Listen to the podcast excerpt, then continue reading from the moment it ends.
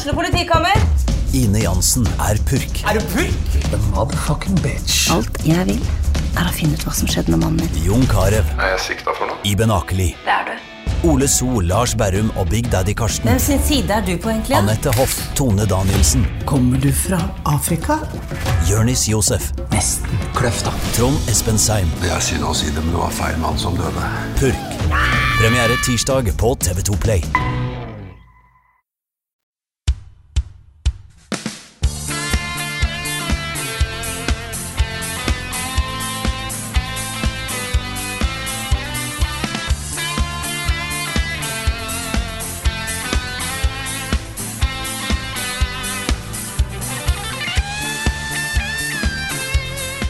Elefant Mario.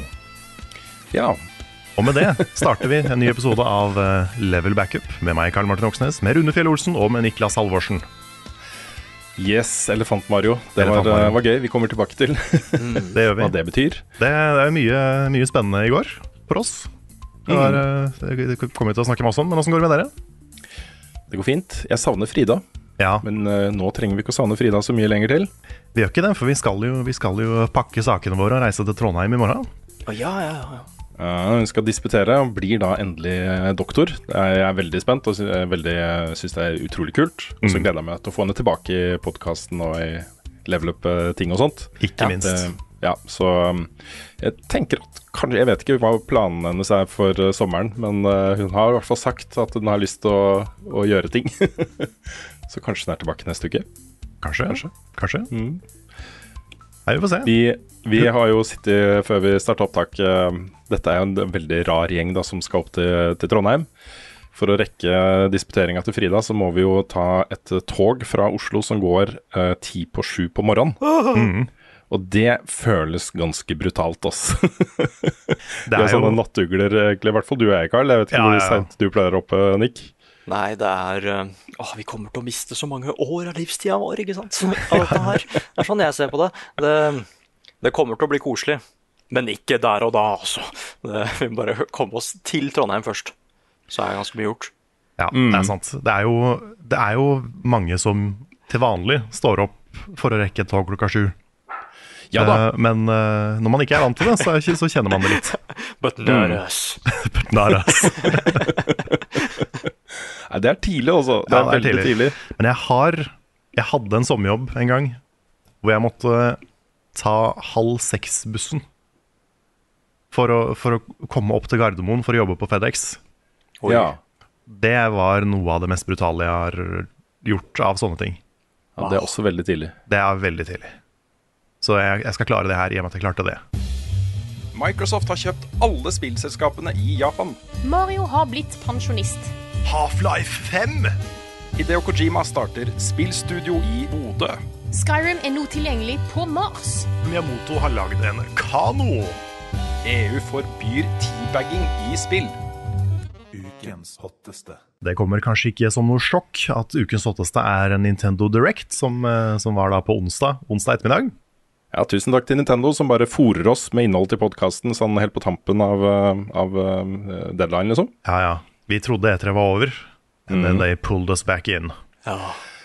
Yes, og deres One More Thing var jo da et, eh, eh, som ryktene også hadde antydet, et nytt 2D Mario-spill. Og vi var jo veldig usikre på om det betød da, en sånn new, new, new Super Mario Bros.-variant.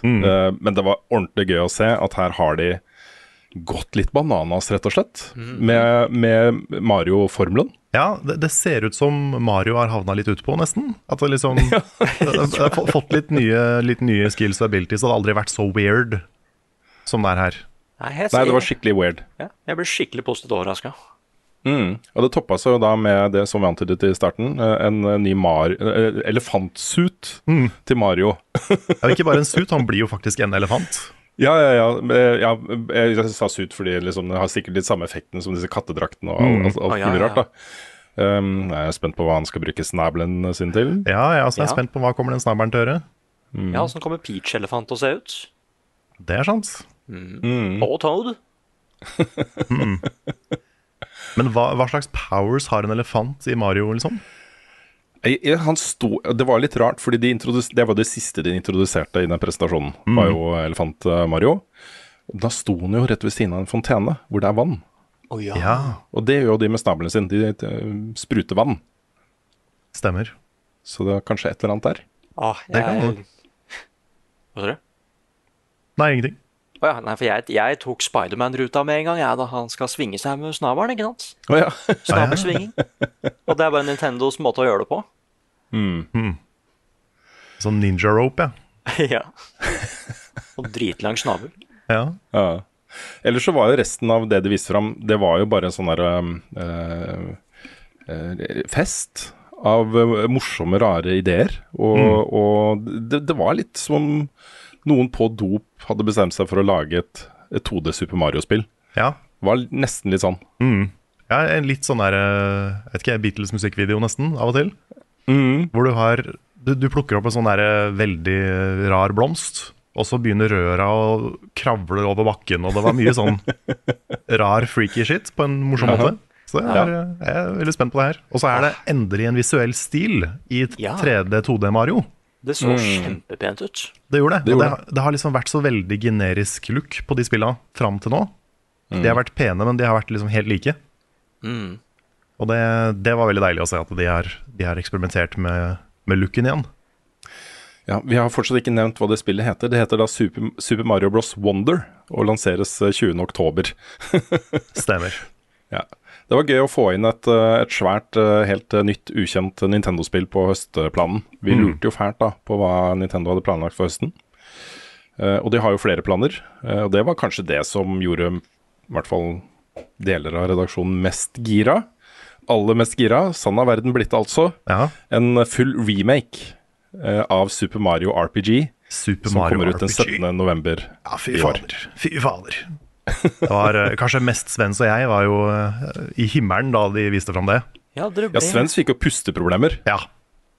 Men jeg skjønner det godt. Så glad ble han. Ja. ja, dere, ble, dere ble kids igjen. Liksom. Ja, vi gjorde det. Men det, det spillet er så bra.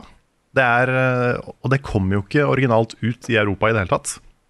Dette er jo et sånt sånn som Earthbound og Krono Trigger, som bare aldri kom til Europa før liksom på Wii U eller whatever. Så eh, det at vi endelig liksom får en oppussa versjon på launch av det spillet, det er kjempe, kjempe, kjempekult. Og det er et av de beste Mario-rollespillene. Det er helt oppi Ja. der med Thousand Year Door og, og, og de. Ja, for jeg har jo ikke spilt det, så jeg ble jo ikke like gira som dere. Nei. Eh, Men uh, dette er jo spill jeg skjønner jeg må få med meg. Eh, Så, så jeg skal jo spille når det kommer ut. Jeg håper det har holdt seg veldig bra. Jeg tror det har det. Det var noe, i hvert fall noe veldig sånn frigjørende. Det starta med liksom uh, old school Super Mario RPG. Og så liksom fikk du det fylt ut liksom til 16.9-formatet og hele den nye grafikken og sånt. Og det virka som de skulle være veldig tro mot på en måte innholdet i spillet, uh, men å liksom ha den moderniseringen av teknologien og grafikken, da. Så um, skjønner at, skjønner at jeg er gira på den også. Veldig gira på den. Og det er jo eh, samme komponisten som er tilbake for å liksom gjøre musikken på nytt. Og hvis, hvis noen der hjemme har hørt Gino for Smash, så er det jo det er her Gino kommer fra. Dette er jo det ene spillet som Gino er kjent for. Uh -huh. han er kanskje ønske nummer én i Smash. Kult. Jeg eh, raser litt videre, for det, var mye, det vi har mye å snakke om. Eh, men jeg har lyst til å nevne også at, eh, at dette er jo en trend da, i spillbransjen. Det å gjøre remakes og remasters av gamle spill. Og folk blir glade og kjøper de. Bare i år har vi hatt eh, både Resident Evil 4 og Dead Space og Metroid Prime. og System Shock. Eh, og det kommer flere til eh, Switch også. Uh, blant annet en uh, remake av Luigi's Mansion Dark Moon, som opprinnelig var et 3DS-spill. Eh, ikke kjent for å være det beste Luigi's Mansion-spillet, men uh, allikevel. Um, samtidig da med um, Pikmin 4, eller faktisk uh, Ja, det er ute nå. Pikmin 1 og 2 ute på eShop. Uh, det kommer en demo også av uh, Pikmin 4 den 28. juni. Uh, det kommer en, f en remake som jeg så veldig mange ble glad for, og det, dette kjenner jeg ikke til fra før, men Star Ocean, The Second Story, uh, får en remake som heter da The Second Story R. Stemmer. Det er så Um, kult. som, Ja, og det, det, det jeg skjønte med den, var at den eh, gjorde litt på, på viewpoint og litt sanne ting også, ikke bare én-til-én-overføring fra originalen. Nei, det, det kjørte jo den der HD-2D-stilen som eh, Mm. minner litt om sånn Triangle Strategy og de spilla der, bare ikke helt samme perspektivet. Mm. Men det så veldig pent ut. Jeg har jo spilt bare Star Ocean 3, tror jeg. Som er et uh, bananas-spill med mye rare plot twister. Men jeg har hørt fra folk at Star Ocean 2 er det beste. Mm. Så, så det er kult. Hele Batman Arkham-trilogien til eh, Rocksteady kommer også til Switch nå. Det, har jo vært, det er ute overalt, så det er ikke noen stor nyhet, men en hyggelig nyhet. da. Dette er jo tre fantastisk gode Batman-spill. Eh, morsomt det kommer på Switch også. Eh, og så kommer også Metal Gear Solid Master Collection Volume 1 den 24. oktober på Switch. Eh, den er jo annonsert for andre plattformer også. Um, dette er jo da Metal Gear Solid 1, 2 og 3 i remastered versjoner, pluss Metal Gear 1, eh, originalen. Og eh, hva er det Snakes Revenge det heter, oppfølgeren? Jeg er ikke på en måte to Metal Gear Solid 2, eller Metal Gear 2. At det er Eh, ett som ja, det- heter Metal Gear 2, og så ett som heter Snakes Revenge. Er det ikke et eller annet rart her? Det mener jeg å huske er riktig. Ja, Jeg har ikke spilt de heller, så. jeg husker ikke nøyaktig sjøl. Nei, men det kommer i hvert fall til, til Switch. Eh, tilbake til nye game announcements. Uh, det kommer et nytt War WarioWare-spill som heter WarioWare Move It Ja. den 3. november. Og det så veldig gøy ut. Eh, her bruker du da joycons på samme måte som i One to Switch og disse spillene, men da til disse gærne minispillene til Wario. Vi hadde for mange år siden, på en jubileumsstream, så hadde vi duell i et War WarioWare-spill. Stemmer mm. Sånn blind duell hvor ingen av oss hadde spilt det før. Og Det er en av de beste duellene vi har hatt. Så jeg håper at vi kan få til det igjen med det her. Ja, det hadde vært kult. Hvis ingen av oss bare Hvis vi bare sverger å ikke spille det før duellen, så kan det bli Kan veldig morsomt. noen, av oss, noen av oss skal anmelde det, da. Ja, det, Ja, det er kunne- det er, Ja, fuck. Ja, må vi det, Men da? ja, men som en del av anmeldelsesprosessen så må man jo teste ut multiplayer, da. Ja, Mm. det er sant. Kanskje vi må kjøre duellen veldig fort. Ja, en t- lage en tidlig duellepisode og ha den klar. Mm. Ja, disse Warrior-spillene har jo vært litt sånn opp og ned der også. Jeg syns ingen av de er dårlige. Alle er bra. Eh, Men noen av de er kanskje litt mer sånn inspired enn andre, da. Så det er det jeg håper litt på her. At, eh, at eh, det bobler litt og sånn. Og det samme overskuddet som man kjenner fra de beste spillene i denne, denne serien. Og Ja. særlig da det første. Første Warrior er fortsatt min favoritt også. Ja, Det som er litt synd med de spillene, er at de går litt fort ut på dato. At når du har spilt alle minispillene, så er det ikke så spennende lenger. Nei, det er ikke noe som slår den første gangen du stikker den fingeren i nesa og skjønner Nei. at det er det du skal gjøre. Det er uh, uslåelig. Mm. Det er det der kaoset med ok, du har tre sekunder, hva er det spillet vil jeg skal gjøre? Og så gjør du det, og så bare ok, det var sånn det var. Mm. Vi får et nytt eh, Dragon Quest-spill. Det heter Dragon Quest Monsters The Dark Prince. Det lanseres den 1. desember. Ja. Jeg, um, dette er nok en serie jeg ikke kjenner så veldig godt. Jeg har spilt uh, Dragon Quest Builders. Det syns jeg var kjempebra. Eh, sammen med sønnen min. Så, mm, men uh, ikke spilt noen av de mainline Dragon Quest-spillene. Dette er jo også da en spin-off. Mm, de, sånn Monster eh, eh, Hva heter det? Monster Hunter? Ja, jeg tror, det er, jeg tror det er basert på mer sånn monster catching. At det er kanskje litt sånn Pokémon-aktig, men at, Pokemon ja. at det er bygd videre på hvordan Dragon Quest-spill har gjort ting før, da, visstnok. ja, for det er jo turbasert, liksom. Så jeg, Mm. men ja, for jeg er omvendt der. Jeg har spilt hovedspillene, men ingen spin-offsa. Nei. Så den her så litt mer ut som en hybrid av de to. Vi var jo litt usikre, i hvert fall siden jeg ikke kjenner til eh, om dette var en remake eller remaster også, men vi snakket da et helt nytt uh, spill. Selv om det hadde litt sånn old school uh, visuell stil. Mm, og så kommer det et uh, nytt uh, Detective Pikachu. Der sto det bare Detective Pikachu Returns, men jeg vet ikke om det er tittelen. Eh, det så ut som en tittel, for Returns var også logofisert, liksom. Ja, Så, men eh, det er alltid rart å høre Pikachu snakke med den der gruffe detektiv, eh, detektivstemmen sin. ja. Jeg syns filmen funka. Jeg har prøvd meg på det forrige spillet, og det fanga meg ikke helt. Nei. Så jeg er litt sånn avventende kanskje på det her. Mm. Det ble også uh, teasa at de jobber med et helt nytt uh, Peach-spill. Det vet vi ingenting om foreløpig. Men uh, annet enn da, at uh, her skal Peach være i hovedrollen i sitt eget spill igjen. Det, det syns jeg var gøy. Det, det ble lovet av mer info snart. Sikkert en egen direct eller noe sånt. Ja, da var i ferd med å skje noe spennende på den traileren, og så bare kutta de. Altså, That's all we're gonna show for today. Så Ja, det var det var bare topp. Ja, det var det. Mm. Ja, fordi der kunne hun blitt elefant òg, ikke sant? Ja, kanskje det.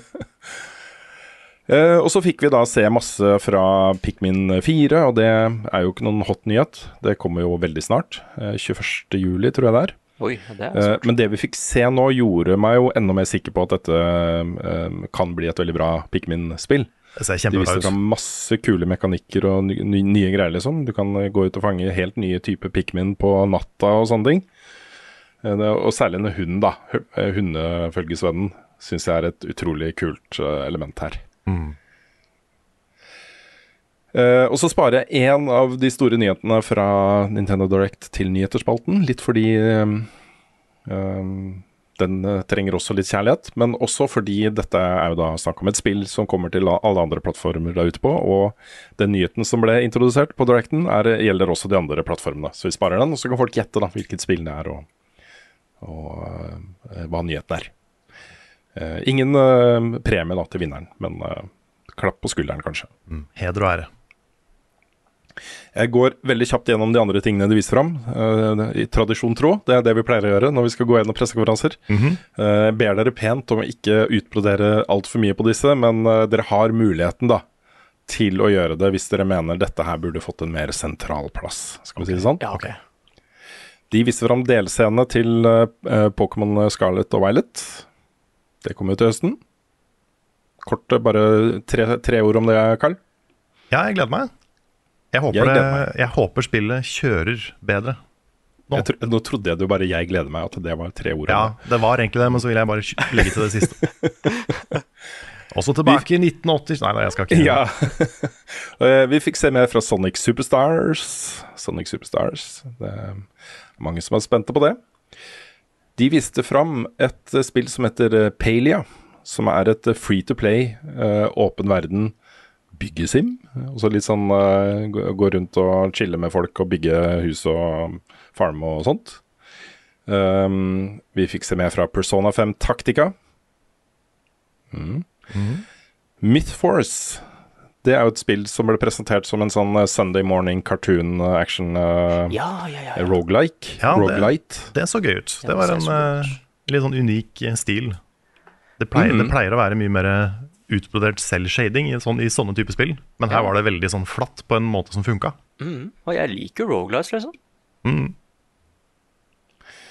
Det er mulig vi kommer tilbake til Mythforce senere i denne episoden. Eh, ja, nye Splatfesten til Splatoon 3. Hvilken iskremsmak er best? Ja, det var jordbær, Vanilje, og cookie et eller annet, var det ikke det?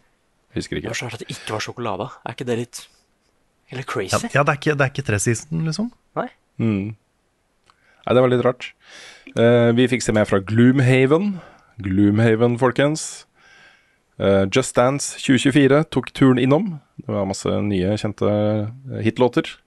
Inkludert eh, Buy Myself Flowers av Miley Cyrus, som har eh, ligget på hjernen gjennom hele året, for min del i hvert fall.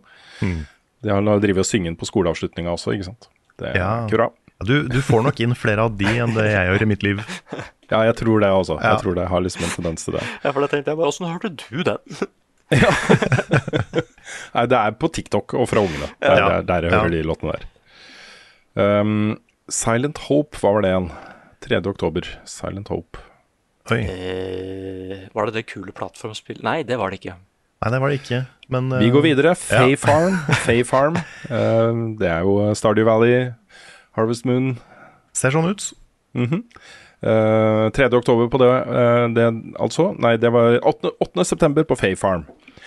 Uh, Hot Wheels Unleashed 2 den 19. oktober. Dette må jo være et multiplattformspill. Nekter å tro det bare er på Switch.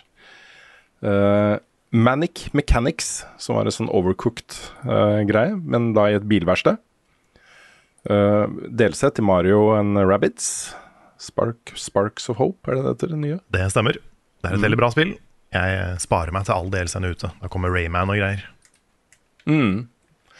Et spill vi syns ser veldig bra ut. Eh, Dette er vel også multiplattform, så vidt jeg vet. Det er mulig jeg husker feil. Headbangers Rhythm Royale, også et Battle Royale-spill eh, med headbanging. Og mye sånn eh, bevegelsesgreier. Ja, det, det ser ut som ryt, altså Fall Guys, men med rytmespill. Mm, det er akkurat det det gjør. Og duer. Dette var vel det plattformspillet du eh, tenkte på, Nick. Penny's Big Breakaway. Yes. Ja. Det så lovende ut, Det, syns jeg. det gjorde det. Det var et sånn 2D, 3D-blanding eh, plattformspill. Laga av Mhm. Sonic Mania-utviklerne, så det er spennende. Nettopp. Mm, skikkelig kul movement. og så skikkelig gøy å spille ut. Mm. Mm. Og så Siste på lista er bare at vi fikk se litt av de nye banene til øh, Mario Kart 8 Deluxe. De peiser ut nye baner og oppdateringer til det spillet. Gjør det. Det er vel update fem av åtte, er det ikke det? Jeg husker ikke. Jeg tror det var det. Alt i alt syns jeg dette var en, en ganske solid, altså veldig, veldig Nintendo eh, Direct. Mm. Det var uh, mye åpenbare greier, selv om det var en del store nyheter og sånt, så, så var det en ganske trygg uh, Jeg endte opp med å kaste én ispinne. Jeg hadde ingen penner, så det ble én ispinne. Eh, men dere andre kasta jo flere. Ja, Det gjorde Så vi. Eh, tror nok Jeg har snakka litt om dette før, da. Eh, men det er mange av disse Nintendo-spillene som jeg setter stor pris på når jeg setter meg ned og spiller dem, men som jeg ikke på en måte går rundt og gleder meg til på samme måte som jeg gleder meg til sånne mannespill som Starfield og Diablo og sånn, ikke sant? Ja. Så Jeg, jeg får litt sånn Jeg vet ikke hvorfor, men jeg får, jeg får mye hype av Nintendo Directs. Jeg føler at det er liksom, de har en sånn der, De er sånn fargerike og eksplosive på en sånn måte jeg liker. Mm. Så jeg kan bli revet litt med av eh, Nintendo-visninger. Ja, Jeg mener ikke det som noe shade i det hele tatt. Jeg bare syns det er eh, Jeg, jeg synes det er fint å bare være ærlig om, eh, om mitt eget hype-nivå, da. Ja, ja. til disse tingene her. så er det mange av liksom, de beste spillene jeg har spilt, er jo Nintendo-spill. Mm. Så, så tror jeg kanskje at hvis de hadde vist noe Metroid Prime 4 eller noe uh, remake av Super Metroid, så hadde jo min skjorte flagra rundt i rommet også, liksom. ja. Eller Tears of the Kingdom eh, DLC. Tetris. Skyrim. Destiny 2. The Sims. Edderkoppkabal. Destiny 2. Animal Crossing. Pokémon Cola eller Pokémon Pepsi. Destiny 2. Guitar Hero. Kingdom Hearts Bohemian Boogaloo. Destiny 2. Level Ups spilleliste. Som dere hørte i den eh, vakre jinglen til fantastiske Martin Eifjord, skal vi snakke om hva vi har spilt i det siste. Og jeg har jo spilt veldig mye i det siste. Over 70 timer har jeg spilt eh, Final Fantasy 16. Å, Og anmeldelsen min er ute. Den ligger på kanalen. Ja. Det var, vi var så heldige at vi fikk spillet nesten tre uker i forveien. Oi, dæven. Og det, har vi, det pleier ikke å skje. Nei. Så det var, det var luksus. Og um, jeg måtte jo på en måte skjule litt i forrige podcast at jeg har jo spilt hele spillet. Jeg har jo ikke bare spilt den demoen. Så det var, eh, da følte jeg meg litt sånn sneaky og uærlig. Men eh, jeg fikk ikke lov å si noe. Nei, det Sånn er det bare. Sånn er det. bare. Embargoer og den slags. Men nå kan jeg snakke om det. Ja. Jeg nevner først at jeg er jo ikke i nærheten av å runde det. Nei. Jeg har masse igjen, eh, også masse igjen før jeg kan mene om det, så jeg måtte bare be NRK pent om å få lov til å levere den anmeldelsen litt seinere. Så den, eh, jeg har lovt at den skal være klar til onsdag neste uke. Så jeg har mye å spille før det. um, før det. Men uh, uh, Så da tenker jeg at kanskje det er mest fornuftig om du tar ordet litt her, Karl, så kan jeg heller bidra der jeg føler jeg har noe å bidra med. Det kan jeg gjøre.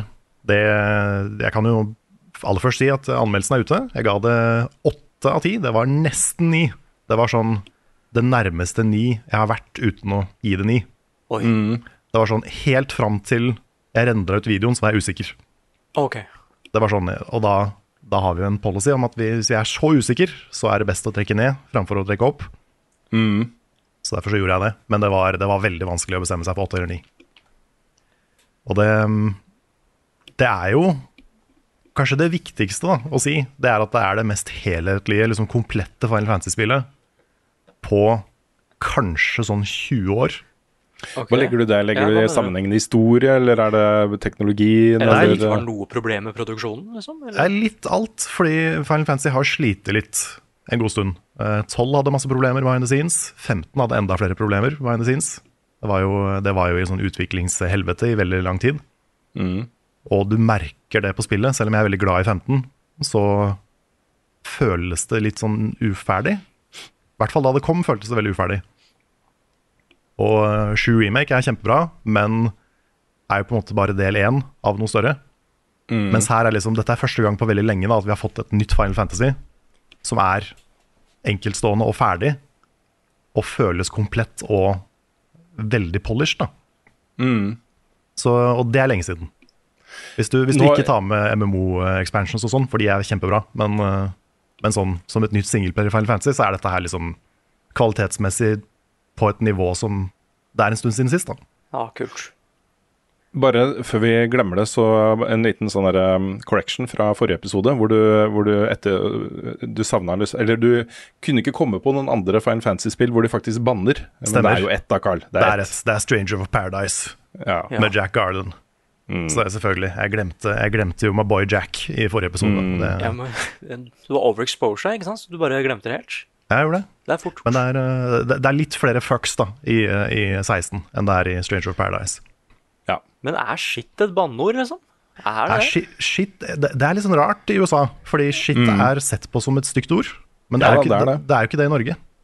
Vi sier Nei, shit hele tida. ja, fuck også er jo ikke det, Bare snakk, du. Jeg slipper inn kidsa. Ja. Ok.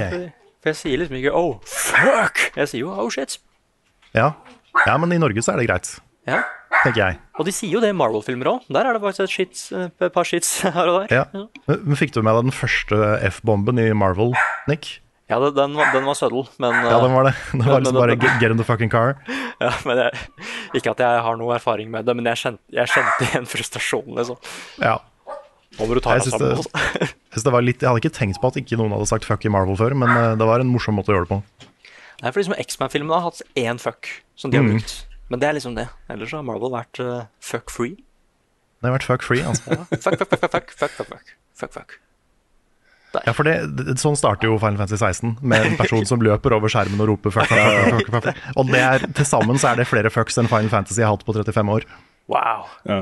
Men også, eh, jeg, jeg, må, jeg måtte slippe inn eh, kiden min som kom hjem fra skolen. Siste skoledag i dag. Nå er det Ja. sommerferie. Ja.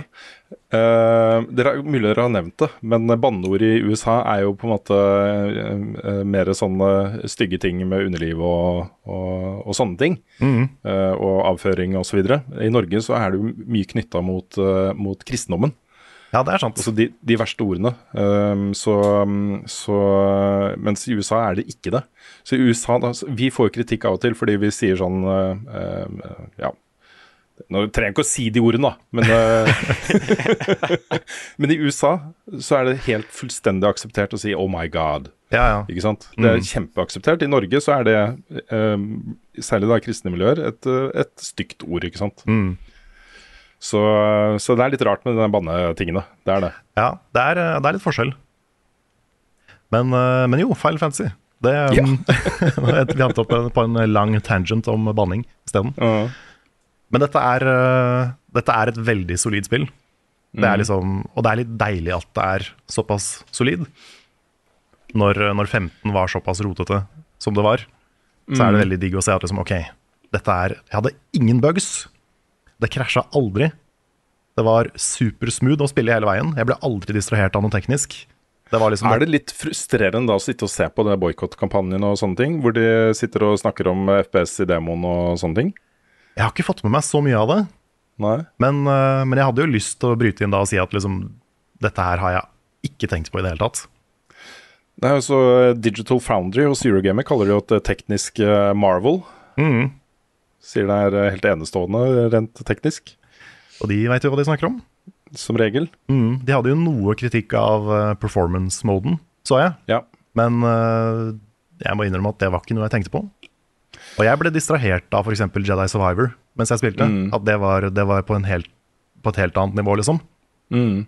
Så jeg vil si at dette er liksom helt problemfritt. I hvert fall Mm. etter min standard, da.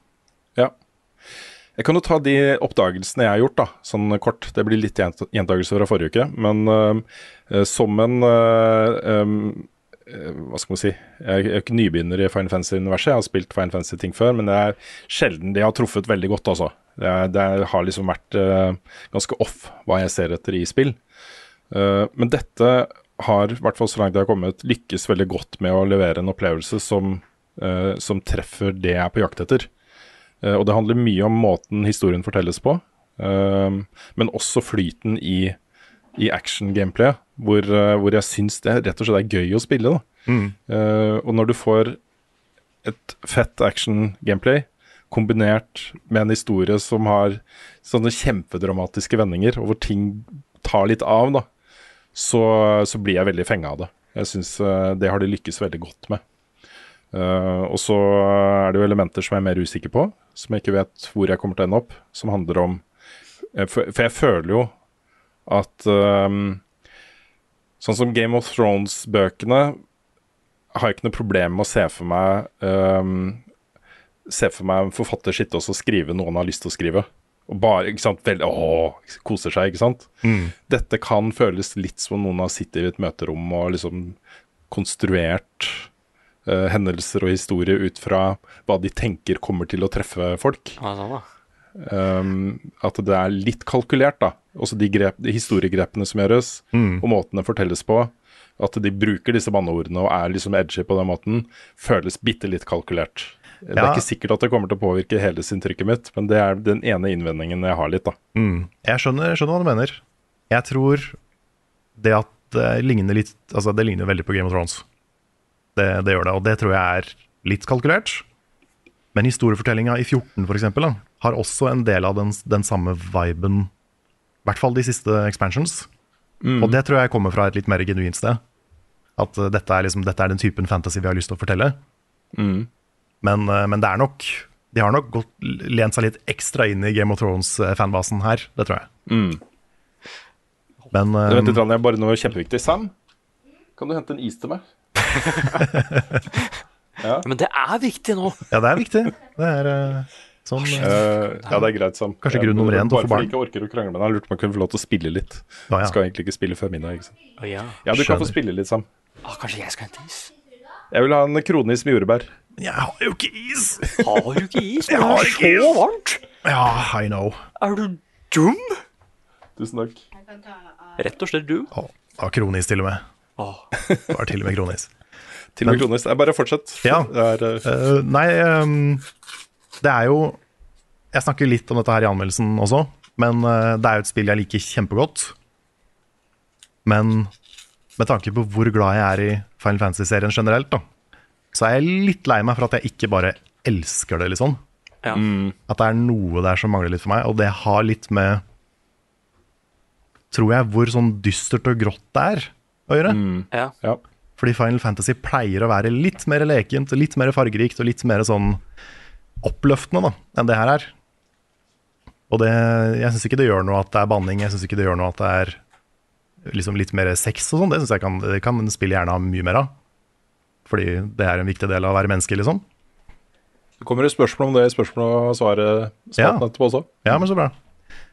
Så, um, så de, den delen plager meg ikke, men det er den derre veldig dystre hvor liksom alt er kjipt, og alle har det fælt, og folkemengder dør hvert kvarter, liksom. Det er sånn Final Fantasy pleier ikke å være så mørkt. Og da er det litt vanskeligere å bli glad i universet, for meg. ja. Så, så den, den har jeg slitt litt med mens jeg har spilt. Men du har jo noen lyspunkter, sånn som ehm, Sånn som eh, du har en onkel, Uncle Byron. Han er kanskje my favorite. Okay. For han har, han har sånn intens onkelenergi. Sånn, jeg, jeg, tror, jeg tror alle vet hva jeg mener når jeg sier det. Sånn, sånn som Poseidon i Hades, liksom. Han er sånn, der, så, så, sånn morsom, litt sånn tullete, uh, brautende onkel. Som, uh, som jeg liker veldig godt. Hver gang han dukker opp, så er det sånn her Åh, nå ble det litt gøy. Ja, men, er- ja, men kanskje det er poenget, ikke sant, Carl? Ja, At lyset skinner sterkere i mørket. Ja jeg bare skulle ønske det var litt mer av det. Ja. Fordi jeg er helt med på det. At liksom de, de lyse delene De skinner mer når det er mørkt ellers. Men at det kanskje kunne vært litt rann mer lys. En ting vi snakka litt om, om før spillet, var jo liksom ehm, at uh, hva, hva gjør de med sånn chocoboer og sånt? Det har alltid vært et sånn koselig element. Og det er litt morsomt første gang du møter de, så er de pansra. De har Ja, ja, sånn ja. skikkelig sånn der krigsarmor på seg. Det er sant. Men det tror jeg også de har vært før. Ok. Det er, det er en del av Final Fantasy hvor de brukes liksom som war horses. Jeg visste ikke at de faktisk var i spillet engang. Det hadde vært litt Jo, ja. morsomt hvis de liksom var monstre da, i det universet her. The Chocobos. The Chocobos. Og, og så er det- og så er det én Moogle som de visstnok måtte kjempe litt for å få, få ha med. Ja. Og han er uh, in charge of the hunt board. Ja. så så du, du går til Mooglen for å finne ut hva du skal jakte på. Så um, Nei, men det er, det er veldig bra. Og så er det kanskje den delen som er minst bra, det er eh, sidequests. Okay. For noen av de er bra, noen av de gir litt sånn kul, uh, kul law og kontekst til universet og sånn. Men andre er litt mer sånn der eh, Kan du hente fem epler til meg? Ja. Litt sånn MMO-type quester. Og det syns jeg blir litt kjedelig i et singleplayerspill. Så der, eh, det, var jeg litt skuffa over å se, at ikke det var mer, mer forseggjorte quester. For det pleier Final Fantasy å være ganske gode på. De har hatt noen sånne legendariske minigames opp igjennom. Kortspill og blitzball og mye sånn forskjellig. Så det mangler litt, føler jeg. Men hovedhistorien og main campaignen liksom er bare konge. Og så er det Det er noen deler av spillet som jeg har valgt å ikke vise klipp fra i anmeldelsen i det hele tatt. Ok. Men som tar så fuckings av, for å sitere en kjent norsk spilljournalist. Og Hvem kan det være? Nei, det kan kan jeg gjette. Og det Det er, så, det er sånn bajonetta-nivå, liksom. Oi, what? Det tar, det tar så av, og det blir så spektakulært og svært og nuts Wow. at det er sånn Jeg tror ikke jeg har sett et spill gå så hardt, kanskje noen gang, som noen av disse kvensene Oi, oi, oi. wow. Bio, det er ganske bonkers, altså. Jeg bare sier Det er, det er ganske bonkers, så I know what I'm saying. Det er Wow. ganske Det, det, blir, det, det blir nuts. Ja, jeg, fordi når du spiller spillet sånn, pleier du å være helt stille da. Men når det skjer noe skikkelig kult, så kan til og med du aleine i huset si Åh! Wow! Åh! Jeg tror, ikke, jeg tror ikke jeg lagde lyder, Nei? Men det var spesielt ett sted Ja. hvor jeg nesten Altså, jeg, har aldri, jeg har aldri skjedd a hype tear, men det var nesten. Oi, en hype tear. En hype tear. Var, jeg, jeg ble bevisst på at det var en ting i, når jeg spilte det her. Oi, hva var min forrige hype tear? Dæven, det var kanskje What's Up Danger for Spiderman. Det, det var ganske hype. Hoppe fra bygningen og sånn. Ah, Ja. jeg, er, jeg, er så, jeg er så spent. Det er sånn Dark Fantasy, det er én ting. Eh, et av de, det første ordentlige Final Fantasy-spillet jeg setter meg ordentlig ned med. Remaken teller ikke, for det er bare part 1. Ja, Eller gjør- eller det er, gjør det, det? eller det er, jeg syns jo den telles, for det er jo et helt spill. Selv om det er del én av en org, et originalspill. Ok, dette er det første Final Fantasy-spillet hvor jeg faktisk gleda meg skikkelig til å hoppe inn. Mm. For det har jeg ikke vært før. Det, det gjorde remaken ved meg. Ja. Ja, Utenom Crystal Chronicles 2, liksom. ja. Nei, men jeg er veldig spent på hva Jeg, jeg tror du kommer til å digge det, Nick. Ah, kult. Det er, det er litt den der samme For du, du har spilt Triangle Strategy. Ja, ja. Så dialogen og liksom stemning og sånn er litt i gate med det. ja kult. Bare, bare enda mer Game of Thrones enn det Triangle Strategy var. Ja. Så eh, jeg tror du, tror du kommer til å like det. Det hadde vært gøy hvis det var nøyaktig det samme, men de har bare putta inn et par shits og fucks og cocks og ja. Det er jo veldig morsomt at en av de første replikkene i spillet er 'you cock'. ja. Og så begynner de å rote, som de heller ikke har gjort så mye i Final Fantasy før. Oi. Men um, jo, musikken. Det er noe, det er noe fuckings hype-musikk i det spillet her, altså. Jeg, jeg, jeg prøvde å illustrere det med å filme en liten ting til anmeldelsen. Så det, dere som har sett anmeldelsen, vet uh, har, har kanskje sett det. Men det er sånn eksplosiv, kul musikk. Som han eh, Soken er veldig god på. Når han slår på stortromma, så da er det hype. Så ja, jeg vet ikke hvor mye mer jeg skal si. Um, sjekk ut anmeldelsen hvis du er uh, nysgjerrig. Jeg vil i hvert fall si at dette var, var jo, fra det ble annonsert og vist fram første gang, både et spill vi var hypa på, men også et spill med ganske, ganske stor fallhøyde. Og, og eh, selv om det da bare i anførselstegn ble en åtter av deg, så er det jo hyggelig å se da, at et, et svært Final Fantasy-spill innfrir på den måten det gjør. Og jeg ser jo det får eh, jevnt over ganske god mottakelse fra de fleste. Det gjør det. Så, så det, det, det er jo bra. Mm. Men det er jo også litt, eh, litt divisive, som det heter. Noen elsker det, andre er litt skuffa. Og det har jo sikkert mye med at det er en litt sånn annen oppskrift for et Final Fantasy-spill. Og det er ikke alle som er like med på den, og det skjønner jeg veldig godt. Folk vil jo ha forskjellige ting fra forskjellige Final Fantasy-spill. Så eh, Sånn som det at jeg er litt usikker på, på stemning og vibe og sånn, eh, mens andre er veldig anti-action-kampsystem, og noen har problemer med andre ting. Så det er sånn Når et spill er så annerledes Ja. enn alt som har kommet før i 35 år, liksom, så, så vil det jo være litt delte meninger. Og det Sånn kommer det nok til å være framover også. Men jeg er veldig spent på hvor serien går herfra. Fordi de kan jo fortsette i den retningen her. Eller så kan et helt annet team lage noe helt annet igjen. Kanskje det blir sci-fi igjen, det har det vært før. Det, det, er så mange, det er så mange veier det kan gå, da. Så hva en Final Fantasy 17 er, jeg kommer til å, bli, kommer til å være veldig spent på hva, hvordan det blir. Mm.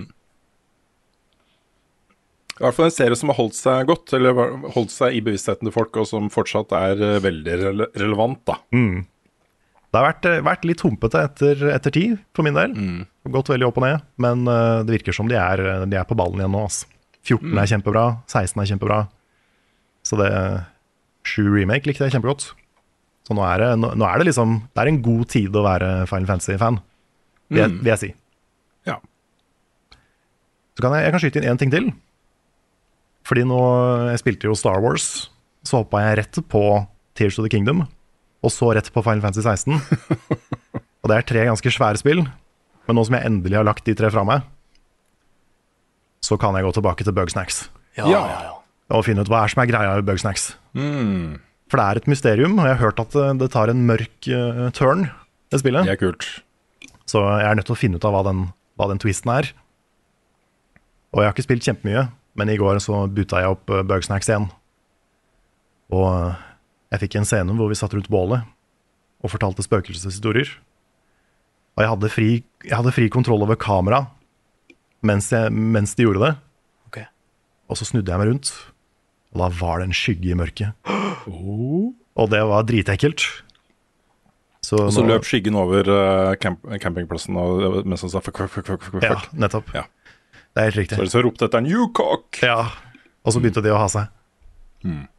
Så det Nei, men det Det spillet har jeg blitt veldig fan av. Jeg er nesten litt lei meg for at ikke jeg spilte det da det kom, fordi det er ekstremt meg-spill. Men det har også en sånn der fucka undertone som jeg bare er nødt til å finne ut av. Så jeg er, Ja. Det kommer til å være vanskelig å ikke spille Bugsnacks mens vi er i Trondheim, faktisk. Så jeg begynner å bli ganske hekta på det. Ja, litt sånn apropos det, da. Vi skal ikke snakke masse om det. Jeg kan straks gå videre i podkasten, men eh, jeg, har, jeg er så nære å kjøpe meg en sånn Asus eh, ROG eh, Hva er det heter? Jeg husker ikke. Den håndholdte spillmaskinen til Asus. Ja, stemmer. Som er basic, det er, en, en spillkonsoll-PC. Det er jo har Windows og greier. Du kan installere Battlenet på den, og Diablo 4. det er mulig. Det er faktisk mulig å gjøre det. Så, men jeg, jeg tror ikke jeg kommer til det. 9000 kroner er mye for å, å Ja, klø en itch. Ja. ja, det er en dyr konsoll. Mm. En veldig dyr konsoll. Har dere prøvd vann fra springen? Jeg har sett en ny TV-serie nå, vet du. Dette albumet må dere høre. TV-spill er ganske stas. Det er en serie som foregår in space. YouTube.com er en kul nettside. Level Ups anbefaling. Ukas anbefaling er det Rune som står for. Ja, det er det. Eh, og jeg har jo blitt gradvis mer og mer glad i det som da heter uh, Førslippfestival eh, på Steam. Uh, Engelske navn er Steam eh, Nextfest. Nextfest. Eh, den pågår nå. Den, den har jo vært Den har vært for to ganger i året. Jeg lurer på om den er oppe i tre, tre ganger i året nå. Ok, Uh, og poenget der er jo rett og slett at veldig mange da som skal gi ut spill på Steam, uh, slipper demoer fra spillet. Og de er tilgjengelige i en begrensa periode, men kan også spilles etterpå. da. Så jeg har uh, i mitt bibliotek så ligger det masse sånne Steam uh, Nextfest-demoer fra tidligere, og jeg kan fortsatt spille. Eh, det som jeg syns var litt kult denne gangen, for jeg gikk litt gjennom Jeg har ikke gått gjennom hele lista, men jeg har bladd meg gjennom for å se hva som faktisk ligger der. Og det slo meg at det her begynner å bli en ganske bra greie, altså. Med demoer på veldig mange spill som er veldig, veldig lovende. Eh, Så jeg tenkte egentlig bare å nevne, eh, trekke fram noen eh, som du nå kan spille demo av fram til da 26.6. Jeg, jeg tror den slutter sånn ca. 18.00, ja, eh, 26.6. Um, uh, og hvis du blir litt gira på dette, her, så er det jo bare å gå og laste det ned. Det er gratis, så det er ikke, det er ikke, noe, det er ikke noe stress, liksom. Uh, så jeg nevner det bare i fleng. Lies of P, som da også ligger som demo andre steder. Eh, Warhaven, som er litt den derre Var det tolv spill multiplayer, eh, sånn veldig brutalt Medieval Ja, Stemmer det. Ja, riktig er det, ja. Mm. Et uh, veldig lovende spill som heter Wizard with a Gun. som uh, Som vi har sett litt fra før, da. Ja. Um, eh, det er litt sånn derre Hotline Miami, men med wizards. Det er, ja, kult konsept. Eh, Sci-fi-spillet The Invincible, som er litt sånn derre um, walking simulator-lignende. Du skal mer utforske ting enn å, enn å skyte og sånt, men du er da Du utforsker et uh, mysterium ikke sant, på en annen planet. Det er kult. Mm. Uh, Viewfinder har demo der. Også vært demo ute andre steder. Det ligger en demo av House Flipper 2, som kommer i august. Ah, ja. Det er en sånn, eh, litt sånn som Power Wash Simulator. Et sånt spill som, som fikk, en, fikk suksess på en veldig spesifikk del av markedet, på en måte. Ja, det er veldig sånn, Folk bruker det som en litt sånn avslappingsgreie. Det er Ja. mye lettere å holde orden og vaske og rydde eh, virtuelle hus enn å vaske og rydde sitt eget hus, kanskje. Det er sant. Selv om du kan bruke timevis på det, så er det på en måte mer gøy enn å rydde hjemme. Ja, så får du Det har en sånn progresjon, ikke sant. Hvis du, for du kjøper jo opp hus, pusser det opp, og så selger du det for mer enn du kjøpte for. Og så er det avansen, da, det mellomlegget, eh, som, som bestemmer da hvor eh, fine hus du kan kjøpe neste gang. Det er ja, ålreit. Dopamin. Eh, det, det ligger en demo av Shadow Gambit, The Cursed Crew, som jeg syns ser kjempebra ut. Kommandos tre utviklernes neste spill. Ja. Og det er Det er uh, samme konseptet, også sånn taktisk stealth action-spill. Hvor du kommer inn på baner, og det står liksom vakter og fiender og sånt, og så må du planlegge, da. Ikke sant, Stelte deg forbi de, og ta ut de lydløst, og så ikke sant, skyte de Veldig sånn planleggingsgreie. Um, uh, men da med pirater. Pirater. Alt er pirater. Veldig, veldig piratspill. Det ligger en demo av eh, et etterlengta spill som heter Sea of Stars. Som jeg vet det er mange som lurer på om vi kommer til å anmelde, og hvem kommer til å anmelde og sånt. Men det er veldig høye forventninger til det spillet her. Det er det. Det, sies jo å være en sånn, eh, en, en sånn slags At det bringer videre uh, kronotrigger-viben. Og det er store ord. Det er store ord. Og så er det jo lagd av eh, The Messenger-teamet, så dette, dette kan bli alvorlig bra. Oh yes. Eh, og det kan også Steamworld Build. Eh, og dette er jo fra et studio som ikke har lagd et dårlig spill. Alle de spillene de har lagd, de har spilt mange av de. Um, og særlig Steamworld Dig-spillene, Dig 1 og 2, er store favoritter hos meg. Og dette spillet her blander jo da sånn byggemekanikker med det. da. Du skal ut og mine ting i bakken og, og hente ressurser og sånn som du bruker til å oppgradere byen din. Og så har det en litt sånn apokalyptisk overbyggende historie som jeg syns virka veldig kul. Så Steamworld Build, altså. Eh, Det ligger en demo fra Stray Gods, The Role-Playing Musical. Som er akkurat det det høres ut som. Um, Det er eh, greske guder i moderne setting som har lyst på hverandre, og som synger. Ja. Masse kjente skuespillere, Troy Baker og Ashley Johnson og Austin Wintry som lagde musikk. Det er et uh, stjernespekka opplegg, dette her, med en veldig kul idé og en veldig kul um, eh, et kult konsept, rett og slett. Og så da nevnte jeg at vi skulle komme tilbake til et spill vi snakka om eh, som ble vist fram på Nintendo Direct, nemlig Myth Force. Myth Force, dette er um, søndagsmorgen eh, action tegnefilm på TV, Rogalight-spillet. Mm. det ligger det demo fra. Det ligger demo av Goodbye Volcano High, som også kommer nå i august. ja, det er jeg litt spent på. Dinosaurer på high school. Ja, det, jeg fikk et litt annet inntrykk av det forrige gang de viste det. Det så ut som det var litt mer sånn, eh, litt sånn dating sim-greie, heller enn det jeg håpa var en sånn Night in the Woods-lignende ting. da. Mm. Men uh, vi får se. Kanskje det er, kanskje det er bra.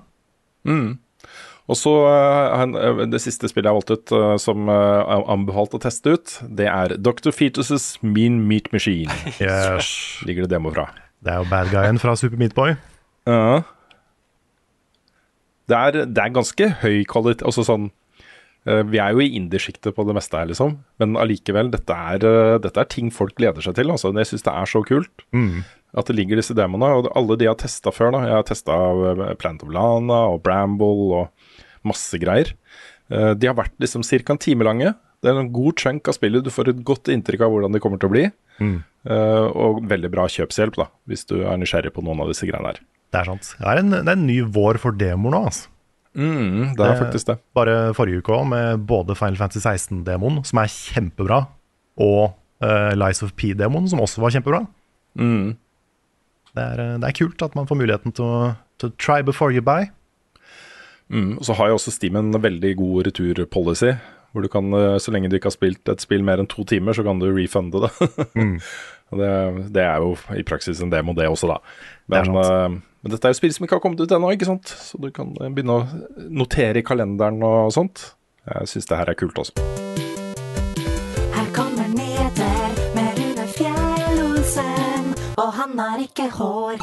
Da ramla det inn en eh, helt fersk nyhetssak eh, rett før vi skulle spille inn Nyheter-spalten. Åh. Som, jeg er glad, så jeg er glad jeg tok en liten runde for å sjekke. Mm. Eh, det er jo ikke så lenge til FCC, som er eh, forbrukermyndighetene i USA, skal uh, vurdere om Microsoft får lov til å kjøpe opp Activision Blizzard. Og nå har da eh, PlayStation-sjef Jim Ryan kommet med et utspill til, eh, til FCC, som er ganske interessant. Okay. Han sier at dersom Microsoft får kjøpe Activision Blizzard, så kan ikke Sony lenger dele detaljer om kommende konsoller med Activision og Blizzard. For risikoen ville vært for høy da, til at uh, da Microsoft snapper opp disse nyhetene og kan uh, svare på det med utviklingen av sine kommende konsoller. Og dette er jo ganske dramatisk, fordi uh, man, vi vet jo at når Sony og Microsoft og Nintendo begynner å jobbe med sine nye konsoller, og det er på, det er på liksom produksjonsstadiet, og de driver og tester ut komponenter og forbereder seg på en lansering kanskje om fire år, da, tre år, så begynner de å dele den informasjonen med utviklere under veldig strenge eh, eh, avtaler. De får ikke lov til å dele den informasjonen videre. Men det er jo sånn at utviklere da skal kunne begynne å utvikle spill for de kommende konsollene. Så de får speksen og vet liksom hva de har å strekke seg etter, og hva slags arkitektur det er. og i noen tilfeller også tidlig tilgang til sånn debug-versjoner av konsollene og sånne ting. Um, så, så dette innspillet her er jeg litt spent på uh, hvordan påvirker FCCs uh, vurdering. Men det, det var en veldig konkret uh, ting som Jim Ryan kom med der. Så, så ja, vi, får, uh, vi får se. ja, det er spennende drama å følge den der. Mm. Dette ble sagt visstnok ifølge Eurogamer i april, men ble kjent nå, da. At han hadde sagt det. Og så eh, tilbake til eh, Norge, så er det en eh, nyhet som ikke er en helt, helt ferdig utvikla nyhet ennå, men jeg var debattleder, eller, eller liksom vert, da, for et opplegg på noe som heter Kulturytring. Som er et sånt kulturarrangement i Drammen. Det er litt Drammens forsøk på å lage en, en østlandsversjon av Arendalsuka. Hvor da kultureliten samles og diskuterer de store, viktige temaene om kultur i Norge. Eh, og temaet her var jo ehm, uh, regjeringens eh, spillstrategi. Hvor uh, du hadde Hyperion og Ungdom og Fritid og, og organisasjoner da, som jobber med barn og unge og spillinteresser i, i Norge. Og så hadde du eh, en som heter Odin, og da glemmer jeg et eller annet Altså. det burde jeg huska. Ehm, jeg, skal, jeg skal finne det. Uh, fra, fra Arbeiderpartiet, som er ansvarlig for å utarbeide den nye strategien. og Alle går og venter på den nye strategien, og den skulle være klar nå. Det, det, en, det vi egentlig skulle gjøre der, var å debattere den nye strategien. Uh, og det har jo blitt uh, hinta om at det vil uh, komme mange tiltak da, for alle som er opptatt av spill i Norge. Fra utviklere til vanlige spillere og, og eh, kommunearbeidere og, og alt mulig rart. da. Um, men det som var litt interessant, var at jeg, jeg spurte han jo mot slutten. Uh, nå har jeg straks navnet hans opp her. Uh, Han heter bare Odin. han heter ikke bare Odin, skjønner du. The Odin. Ja, han heter Odin Aunan Boman. Mm. Odin Aunan Boman.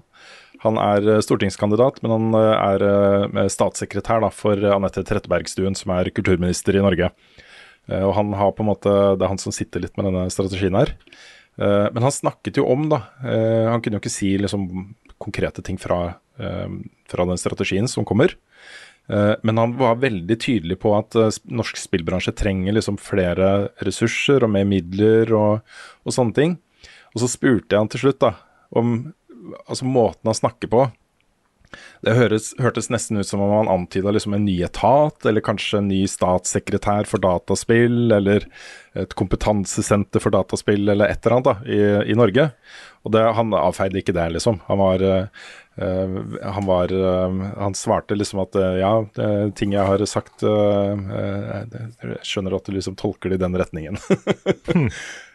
Så det, det er veldig spennende. Jeg, nå ble jeg veldig spent på den rapporten. Fordi plutselig så, så allokeres det mye mer midler, penger, kroner og øre til norsk spillbransje.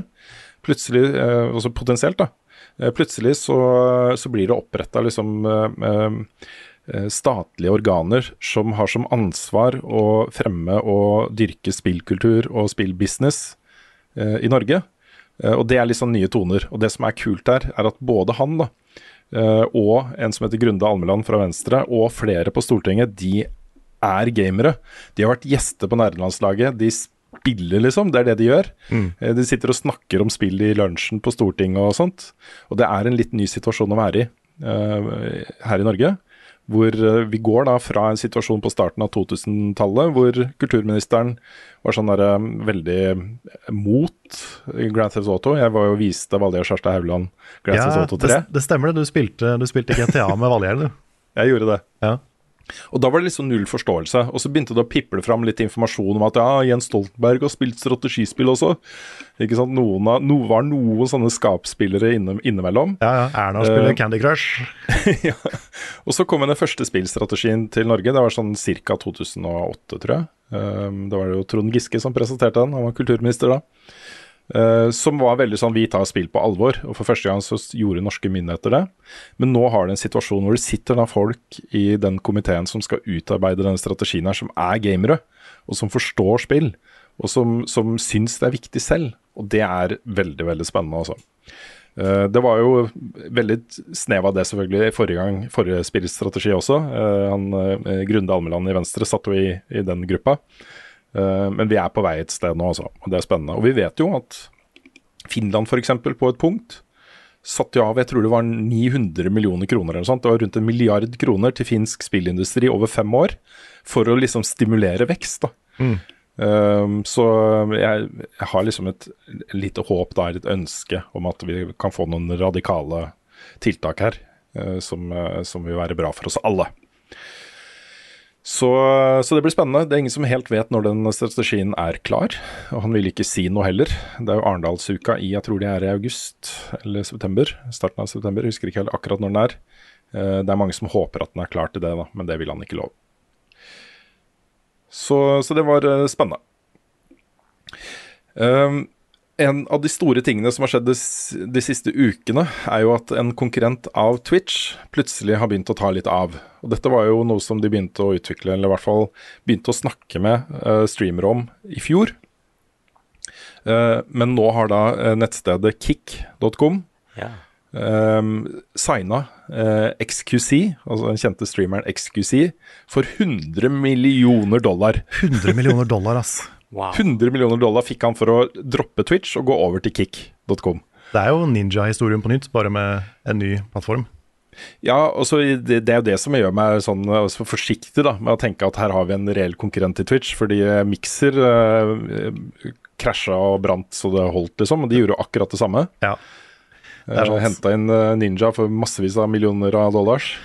Og så har jeg Jeg har ikke satt meg voldsomt inn i det her, men jeg har inntrykk av at Kick, altså folka bak Kick er litt shady. At det er mye, det er mye gamblingpenger og mye kryptogreier inni der. Jeg vet, mener Ja. det var sånn det ble starta.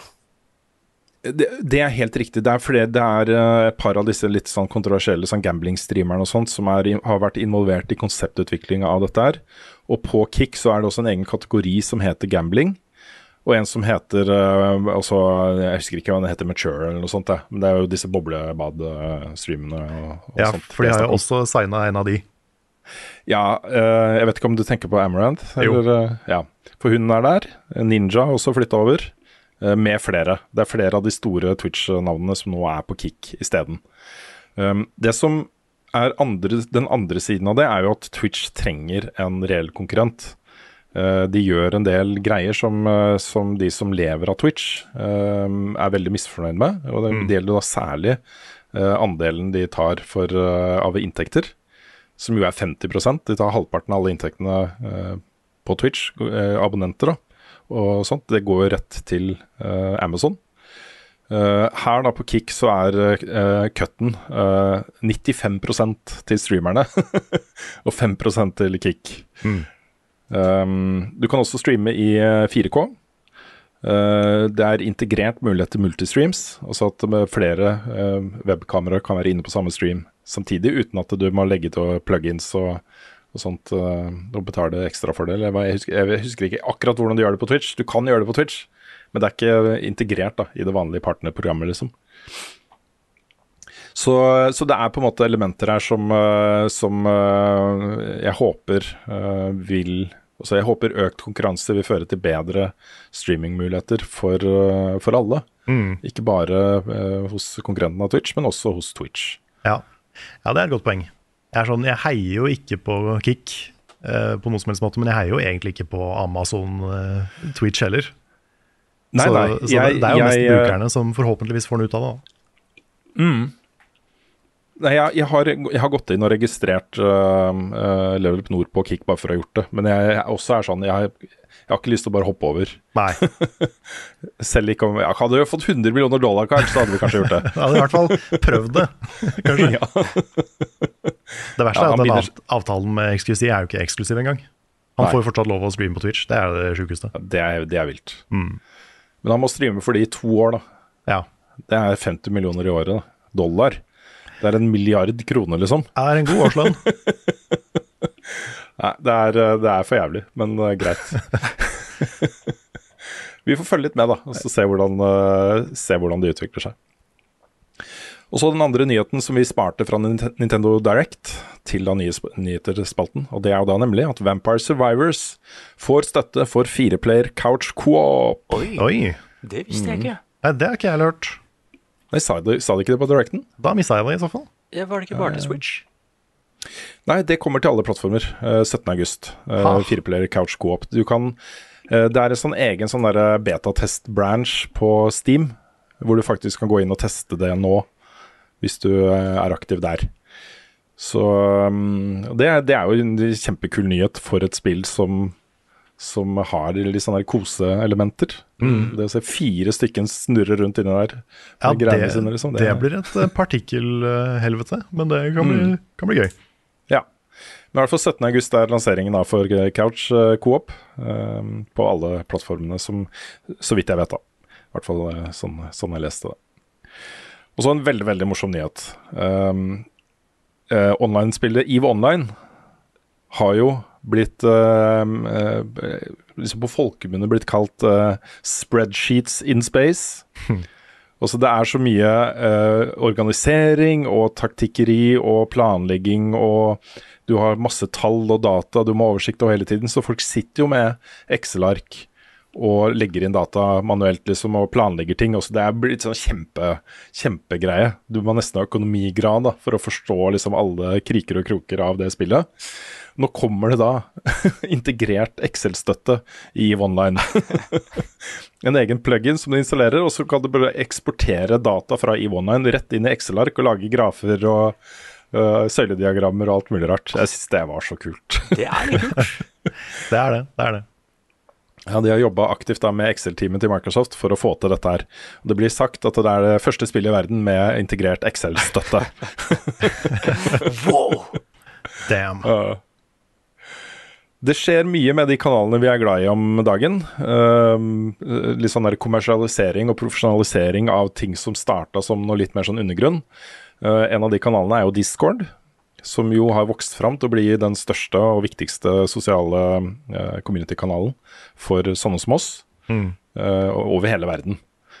De jobber jo nå mye med um, kommersialisering og profesjonalisering av den plattformen. Eh, blant annet så kommer det egne foreldreinnstillinger nå, hvor eh, man da skal kunne opprette kontoer for barn. og Det er en sånn ting som jeg har etterlyst og savna veldig i den plattformen.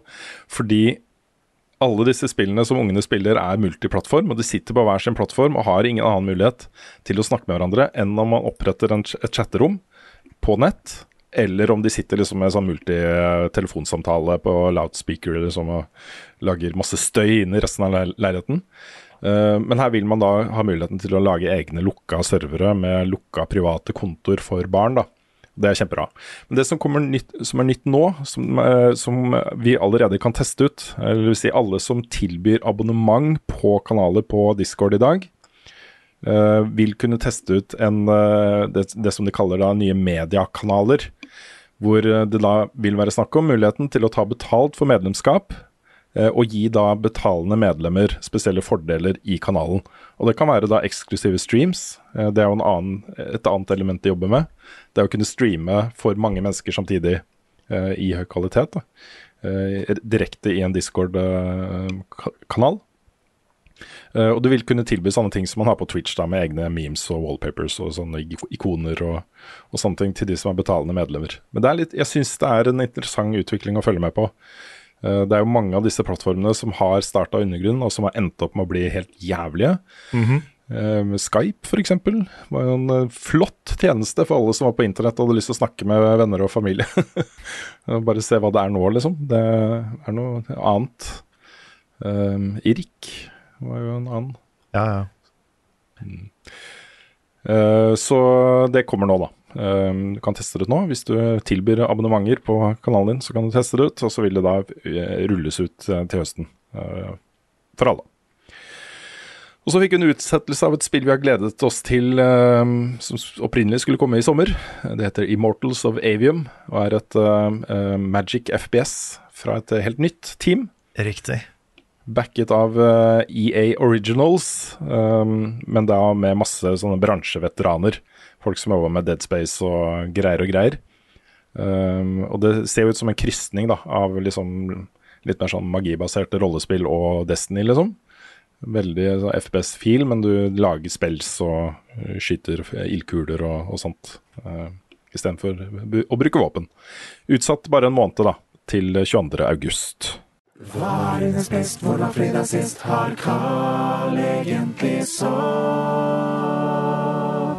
Ukens spørsmål. Vi begynner med et spørsmål vi har fått inn fra Markus på Patreon. Han spør noen mener at spillindustrien har nådd et innovasjonstak, der nye spill ofte er basert på eksisterende ideer og formater. Er dere enig i dette synspunktet? Hvis ikke, hvilke nye og innovative spillkonsepter har imponert dere nylig? Altså, jeg forstår hvor spørsmålene kommer fra, og jeg er enig i deler av premisset. Fordi eh, det å på en måte innovere eh, Det er jo forskjell på å innovere innenfor en sjanger og det å bare finne opp en ny sjanger. Og det skjer jo ikke så ofte lenger, at man bare finner opp en ny sjanger. Så der ligger jo innovasjonen mye på at man blander kanskje sjanger, eller, eller eh, ser på en sjanger med helt nye øyne og leverer en opplevelse som folk ikke forventer seg, Mm. og sånne ting, da. Um, med, med um, eh, Doki Doki Literature Club, liksom, som har en take på visual novel-sjangeren, uh, f.eks., eller, eh, eller um, Immortality? Immortality, som, eh, som jo er en helt egen greie. Eh, Return of the Obra Dinn, Mm. som er en take på adventure-sjangeren, uh, og, så. Så innovasjonen er mer sånn innenfor noe som allerede er litt etablert, da. Mm. Og det ser vi jo ikke så ofte lenger. Helt nye sjangere. Nei. Men jeg syns jo at det er litt mye å kreve da, av spill med det. Og hele tiden finne opp hjulet på nytt. For det er det jo ingen andre medier som gjør heller. Um, også innenfor film så skjer det jo masse innovasjon, men det er jo på en måte De samme ikke sjangerne? mange- Ikke, nei, ikke sant. De finner ikke opp en helt ny måte å lage film på uh, så ofte. Nå kommer disse interaktive elementene inn og litt, litt sanne ting. da. Du har filmer som eh, Across the Spider-Verse som eksperimenterer med visuelle uttrykksformer og lyd og Mm. lys og bilder og sånt. Men eh, den type innovasjon mener jeg vi har i spillmediet. Ja, ja, Ja, jeg er helt enig. Det, jeg blir ofte overraska over nye, kule ting spill gjør. Mm. Og så lenge jeg fortsatt blir det, så føler jeg at innovasjonen liksom er på et sunt nivå. Ja. For å nevne noen nyere eksempler, du nevnte Immortality. Det er jo et uh, åpenbart uh, innovativt spill. Pentiment uh, syns jeg er det. Tunic. Mm. Uh, med Golden Path og de tingene som, eh, som eh, er funnet på der. Ja. um, Inscription Um, jeg syns jo Tears of the Kingdom, måten den bruker eh, disse, eh, disse, denne eh, teknologien på til Ja. å lage byggeting og sånt, jeg syns det er innovativt. Ja, ja. Jeg synes det, det er gøy å se utviklere snakke om fysikken i Tears of the Kingdom. Fordi Mm. de sitter liksom med sånn åpen munn og bare Dette er så smooth, hvordan i all verden har de fått til det her, liksom? Mm. Det er veldig fascinerende å se hvor, hvor gjennomført og hvor vanskelig det faktisk er. Da. Mm. Og så er det litt sånn også at alt trenger ikke å være veldig innovativt heller for at det skal være veldig bra, da. Um, jeg har sett andre science, gode science fiction-filmer også, men allikevel så syns jeg liksom um, Interstellar er bedre uh, enn de andre, uh, fordi det er bra. Ja. Um, ikke sant? Det, um, sånn er det jo med sånne spill som God of War, uh, Diablo, Zelda, uh, Elden Ring som gjør ting innenfor ting som er litt kjent fra før, da, men allikevel har en sånn fortellerglede og en skaperglede som, som får det til å fremstå som noe nytt allikevel. Ja. Jeg tror både Breath of the Wild, men spesielt Tears of Kingdom, er starten på en sånn revolusjon med puzzles i spill som kan løses på mange måter. For det, vi har gått fra den der veldig rigide formelen hvor en oppgave har én løsning. Og jeg tror den kommer til å endre seg nå. Mye Mm. på grunn av det måten Selda gjør det på. Mm. Ikke at det bare er Selda som har gjort det sånn, men Selda har potensial til å popularisere det. da. Ja, det er jo en retning i spillmediet nå som jeg syns er veldig spennende. og Det er jo det som handler om uh, spillernes muligheter til å påvirke innholdet uh, selv, da, med sin egen kreativitet. Og jeg, jeg syns ikke alle spill skal være sånn. Jeg har lyst på et uh, The Last of Us Part 3 som forteller en lineær historie hvor jeg spiller hovedrollen. Absolutt. Ho slash hovedrollene. Mm. um, men, men det er noe eget, det å på en måte være herre eller eh, dame over sin egen verden på den måten som Tears of the Kingdom gjør, gjør det mulig, Elden Ring gjør det mulig. Det er eh, et eller annet med det som, som treffer litt sånn ekstra hardt. Da. Mm. Ah, Hva er det sånn immersive sim, eller hva, hva er det den sjangeren heter? Ikke sjangeren, men subsjangeren. Spill som The Son Ja. of the Prey og sånn, at de har bestemte regler, men mye kan løses på Det er aldri én løsning på én ting, på en måte. Altså det er sånn Mm. Det er friheten du har, ikke sant. Så jeg føler at det blir bare mer og mer uh, i de svære spillene nå. Spesielt Mm. Open World og sånn. Ja, ja, for det er nok Det er nok en mer spennende ting, i hvert fall for meg, med sandkassespill. da. Mm. At en ting har flere løsninger enn at verden er svær og åpen. Ja. Mm. Jeg syns det er enda mer tiltalende. Mm. Jeg har også lyst til å trekke fram eh, Signalis som en sånn derre eh, litt merkeutgivelse på, på det, det som går på å ha en, en veldig unik uh, avsender. Altså det er, du er over i autørsegmentet, liksom. Du er eh, en veldig tydelig regissør med en eh, tydelig visjon og et behov for å fortelle noe som, som gjenspeiles da i en opplevelse som ikke ligner på noe annet. Mm. Så um, det, det, vi har ganske mange av den type spill, altså. Og Ja. opplevelser, syns jeg. Men jeg er spent på om det kommer nye sjangere etter hvert. For det er sånn, Hvis det kommer nye sjangere, så klarer jo ikke vi å se de for oss. Da hadde vi vært uh, rike, sannsynligvis. Ja. Mm. Ja, fordi det Hvis eneste, det eneste jeg liksom tenker sånn Ikke ny sjanger akkurat, men jeg hadde jo ikke sett det før. Og det er jo Before Rise, med blunking. Men, uh, Det er sant. Mm. men igjen, det er jo ikke en ny sjanger. Det bare er en ny måte å fortelle en historie på. Mm, men et veldig innovativt uh, spill. Mm. Mm. Mm. Ja. Nei, Vi var jo litt inne på sånn diskusjon om alt var bedre før i forrige uke. Og det er litt sånn repetisjon av det, egentlig. da. Men, eh, men eh, det nyskapende, nybrottsarbeidet skjer også, folkens. Det gjør det. Det, du må bare eh, kanskje lete litt mer enn bare på øverste hylle i spillbutikken. Mm. Topp ti. Det skjer også mer pga. mangfoldet i spilldesign nå. At det er så Mm. mange små teams som gjør mye eksperimentelt arbeid. Mm. Det er helt sant. Yes, Skal vi ta et eh, spørsmål til? Mm. Kan jeg få ta et veldig eh, egosentrisk eh, spørsmål her? Ja, ja. Fra Jørgen RB på Patron, okay. som er da spørsmålet til meg. Når begynte du å ha det skjegget du har, og hva var inspirasjonen? Uh, jeg kan pinpointe det ganske nøyaktig, faktisk, fordi det var rett før jeg reiste til Japan første gang. Det, da snakker vi 2005? 2004-2005. Inspirasjonen er så enkel som at jeg oppdager plutselig at hvis jeg bare ikke barberte meg, så kom det til å bli noe som kunne ligne et skjegg. Oh, ja. Og jeg har hatt lyst på skjegg hele livet. Helt fra jeg var ett år gammel, så har jeg hatt Ja. lyst på skjegg. Ja, cool. Ja. Du så Nei, men jeg og så bare Shit, dette Could be me. Jeg har aldri hatt noe særlig skjeggvekst. Jeg ble veldig glad når jeg oppdaga at det ble noe som kunne ligne et skjegg.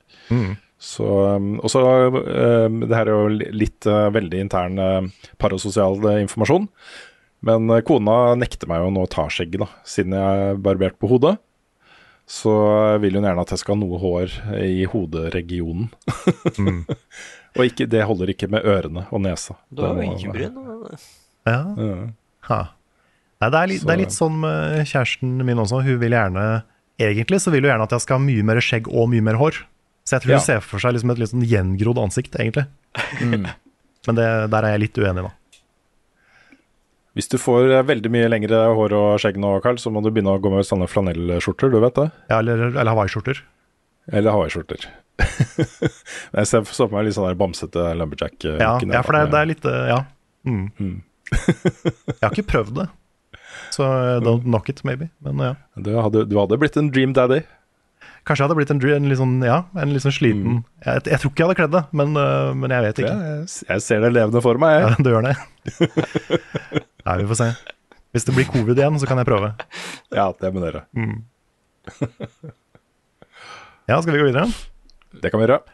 Jeg har et spørsmål her som trenger en liten uh, trudelutt. Ok. Aha. Skal vi se. Sånn. Ukens Sim4. Dere har gitt ut en del 10 av 10 som er perfect score på anmeldelser gjennom årene, som level up. Hvilken av disse 10 av 10 mener dere er best av dem alle? Det er kjempevanskelig, for er da må må vi jo tilbake til 2016. Wow. Før det ga vi ingen 10 av 10. Det er sant? Så det er jo alle spill vi har anmeldt da etter 2016 som har gitt 10 av 10. Ja. Det er jo ikke så mange. Nei, men det står noen killerspill på den eh, lista mi også. Mm. Der står Elden Ring, eller det anmeldte jeg for NRK, men det hadde jeg gitt 10 av 10. Der står Returnal. Der står Shadow of the Colossus-remaken. Der står Demon Souls-remaken. Der står eh, Inside. God of War 2018. Jeg hadde du gitt Demon's Souls-remaken 10 av 10? Nei, kanskje ikke. Nei, det hadde jeg gitt 9 av 10. Det er helt sant. Ja, Det var en sterk nier. Jeg tror Jeg ga det det- terningkast 6. Ja, jeg tror Svens og jeg ga det en 9, hvis jeg husker riktig. Ja, jeg hadde også gitt en 9. Det er helt riktig. Det er helt riktig. Jeg bare oversatte nå en terningkast 6, så der er, den er, sitter litt løsere enn 10 av 10. Som den skal gjøre. Sant? Ja, men jeg er usikker, fordi det er jo noen oppfølgere til ting som jeg liksom nesten på forhånd veit skal bli skikkelig bra, så det er ikke så sjokkerende at de fikk ti. Så det må nok ha vært noe som jeg ikke visste skulle få en ti. Hva kan det være? Mm. Jeg tror for meg så er det Det er to som er de sikreste tierne jeg har gitt, som jeg ikke har lurt på et sekund, og det er Tears of the Kingdom og Elden Ring. Mm. De Ja, to er er de sånn to. toppen av toppen. Altså, du var ikke sikker med Breath of the Wild? Jo, men uh, det er lettere å si Tears of the Kingdom nå. Å ja, ja, ja. Jeg er ikke sikker på om jeg hadde gitt Breath of the Wild. Det, det husker jeg vi snakket om da det kom Mm. ut. For det anmeldte jo ikke jeg. Uh, verken for NRK eller Level Up.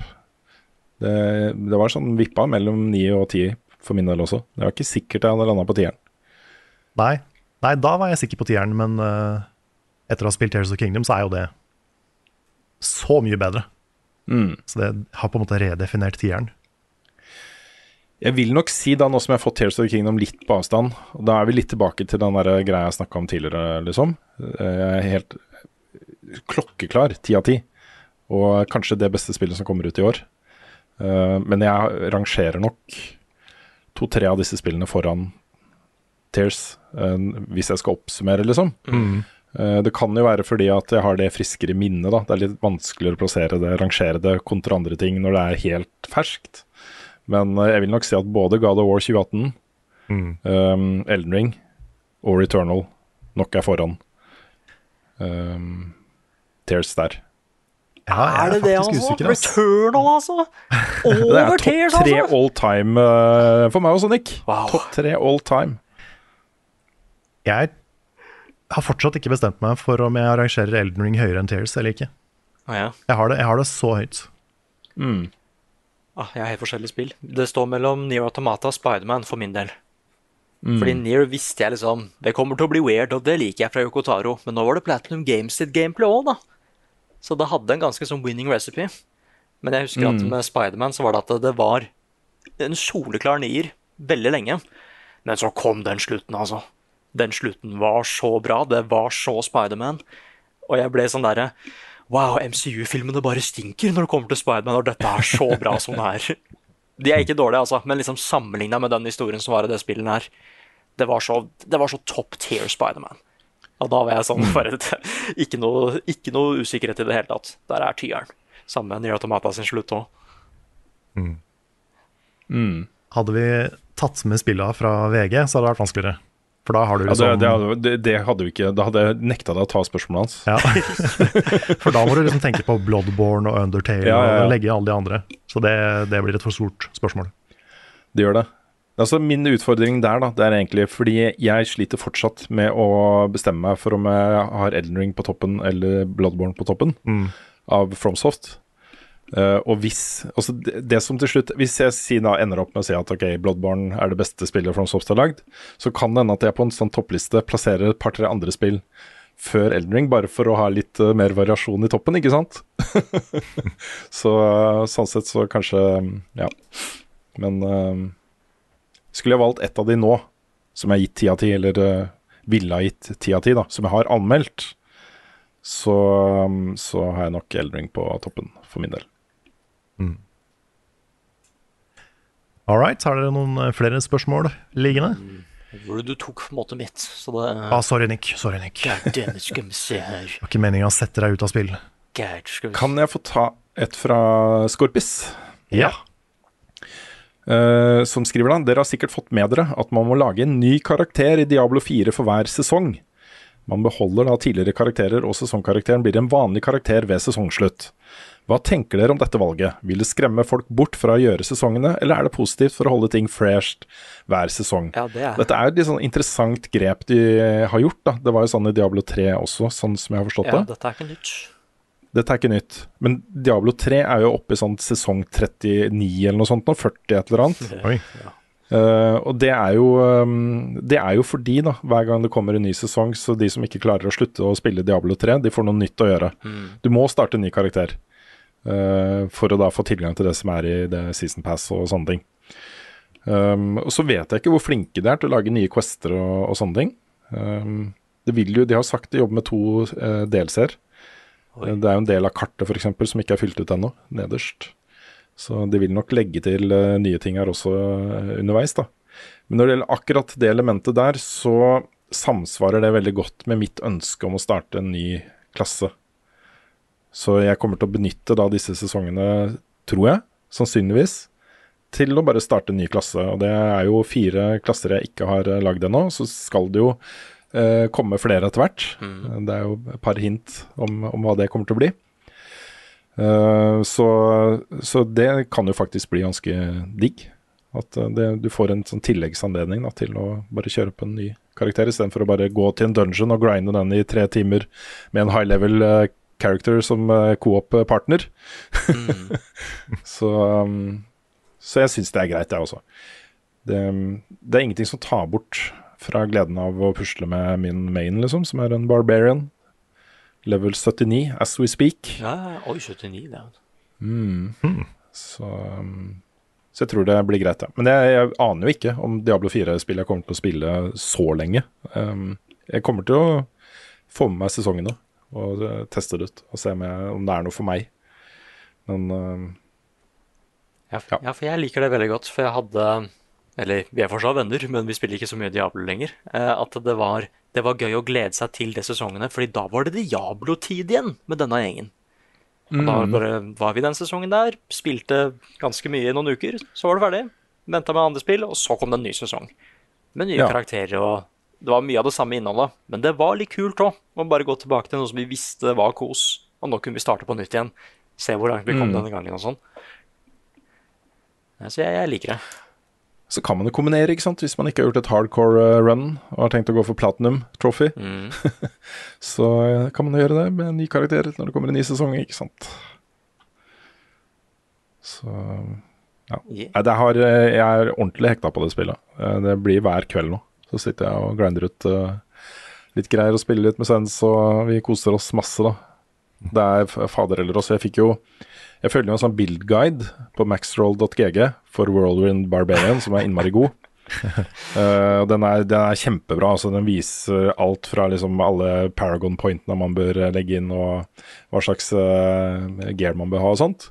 Og på én dag, på bare et par timer, så fikk jeg tre unike gear items som var til den bilden. På samme dag, liksom. Og bilden min dobla jo eh, effekten. Bare sann, liksom. Å, herregud. Nå føler jeg meg litt sånn som eh, da Matrix begynner å bli the one i Neo, liksom. I move like they do. Det der de videoene jeg har sett av folk som går inn i dungeons, og det er liksom 100 fiender, og alt bare eksploderer i sånne tall, ikke sant, damage-tall, som er helt ville. Sånn føler jeg meg nå når jeg spiller Diablo 4, og det er en god følelse. Det er gøy. Jeg har hørt rykter om at du skal kunne få den følelsen i Final Fantasy 16, men dit har jeg ikke kommet ennå. Nei. Du kan visstnok liksom minimakse bilden din på en eller annen måte. Det må jeg lære meg å gjøre, for det høres gøy ut. Ja, Ah, kult. det høres veldig gøy ut. Mm. All right. Mm. Skal jeg ta et til? Ok. Dette er fra Vegard Lindland på Facebook.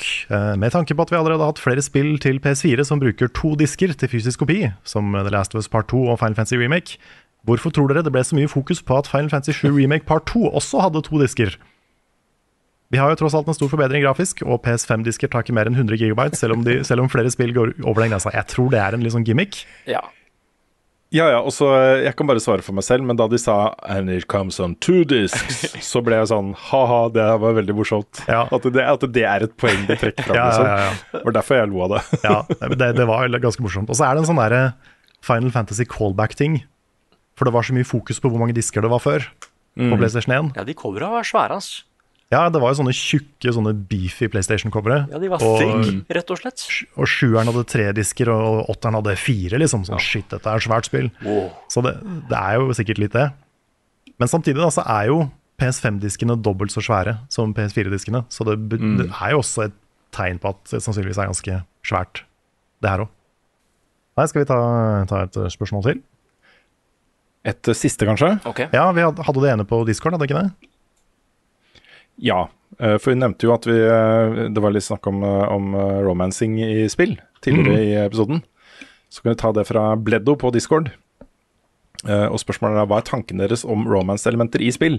Føles ut som f.eks. de fleste open world-spill velger å inkludere muligheter til det, ofte som en slags avslutning på sidehistorier med rollefigurer man har blitt kjent med, men også som helt intetsigende besøk til bordeller eller lignende. I noen spill håndteres det voksent, som f.eks. Wolfenstein, The New Order, mens i andre spill virker det ofte litt unødvendig klasket inn for å appellere til enkelte deler av publikum. Er det noe som spiller stor rolle for dere når dere spiller spill, og f.eks. skulle romance absolutt alle karakterer det er mulig, eller bare dersom det passer naturlig med det man føler rollefiguren ville gjort? Jeg syns dette er et uh, interessant spørsmål, og vi har snakka litt om det før. Uh, og det er gøy at han trekker fram Wolfenstein, som vi også har snakka en del om. Mm. Og der er jo på en måte det forholdet som utvikler seg mellom uh, eh, BJ, jeg syns fortsatt det er gøy han heter BJ, Ja. Blazkowicz, og hva heter hun Helena? Nei. Og hva heter hun, da? Uh, Anja. Anja. eh, er en sånn utrolig flott og voksen uh, måte å være sammen på. De er liksom uh, veldig uh, eh, alene mot verden, ikke sant? I en Mm. veldig pressa situasjon. Det utvikler seg følelser helt naturlig, og det kommer fram helt naturlig i spillet. Og det ble jeg så glad for å se. da. Og Cyberpunk har jo veldig mye det samme. Hvor du har da flere eh, characters du kan romance, men ikke bare sånn Nå skal vi gå og pøke, folkens. Men du må bruke sjukt lang tid. Ja, ja, ja. Og så du, du, det er et forhold som utvikler seg over veldig lang tid. Og så legger de inn sånne dialogvalg da, på veien som får deg til å forstå at dette kan ende opp under dyna, liksom. Eller over dyna. Eller i en bil. Ja.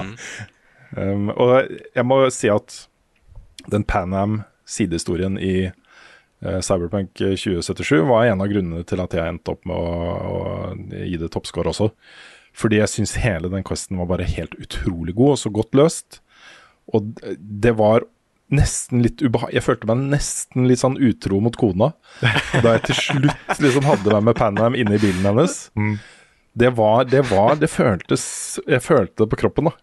Altså ikke fysisk på kroppen, jeg følte det Det er jo sånn billedlig tall. Du, du, hadde sånn der, du hadde kjøpt sånn på eBay Ikke sant? for å faktisk føle det på kroppen. Så det, syns, det syns jeg er bra for spill med det, at vi får litt sånne greier. Og så er det motstykket, da, som er, um, som er uh, Assassin's Creed Odyssey, hvor du bare reiser rundt og pøker over hele Hellas. Ja, jeg lå med alle sammen, stemmer det. Ja, det gjorde jeg jo. Men, men det er jo litt sånn I noen spill altså, er det litt harry, den der eh, greia med at eh, si de riktige tinga, så blir du belønna med sex, Ja, liksom. helt mm. Eh, der er det ganske mange spill som gjør det ganske dårlig. Ja. På den andre sida så ble jeg jo litt glad i Tally i Mass Effect 2, liksom. At liksom den, den følte jeg litt. At liksom Hun her er kjempekul. Mm. Så det, er, det kommer seg an på hvordan det er gjennomført. Men jeg er jo generelt tilhenger av at spill skal kunne utforske seksualitet. Mm. Så lenge det er på en sånn ikke-pubertalsk, barnslig måte. Mm. Og ikke David Cage, som jeg også nevner i, nevner i Final Fancy-anmeldelsen.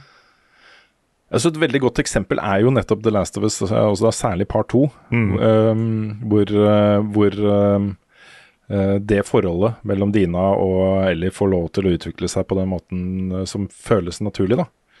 Uh, og det er ikke påtatt i det hele tatt, liksom. Det er um, helt, det er helt naturlig at de havner på den sofaen, liksom. Ja, ja, alle som har seg i The Last of Us Part 2 er troverdige, liksom. Jeg syns det også. Og det er um, det, Da mener jeg spillmediet har kommet, kommet til et sted som, er, som det bør være i voksne historier. Mm.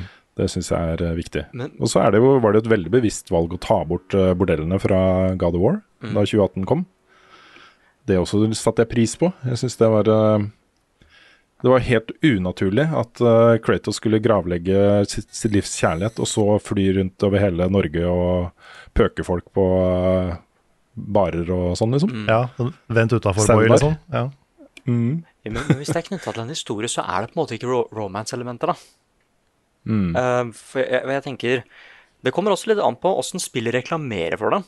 Fordi selv om jeg også likte Cyberpunk veldig, veldig veldig godt, så var det jo litt sånn OK, du, gjør deg klar, du går en vei nå, og det kan bli noe, å, det kan bli noe romance av det.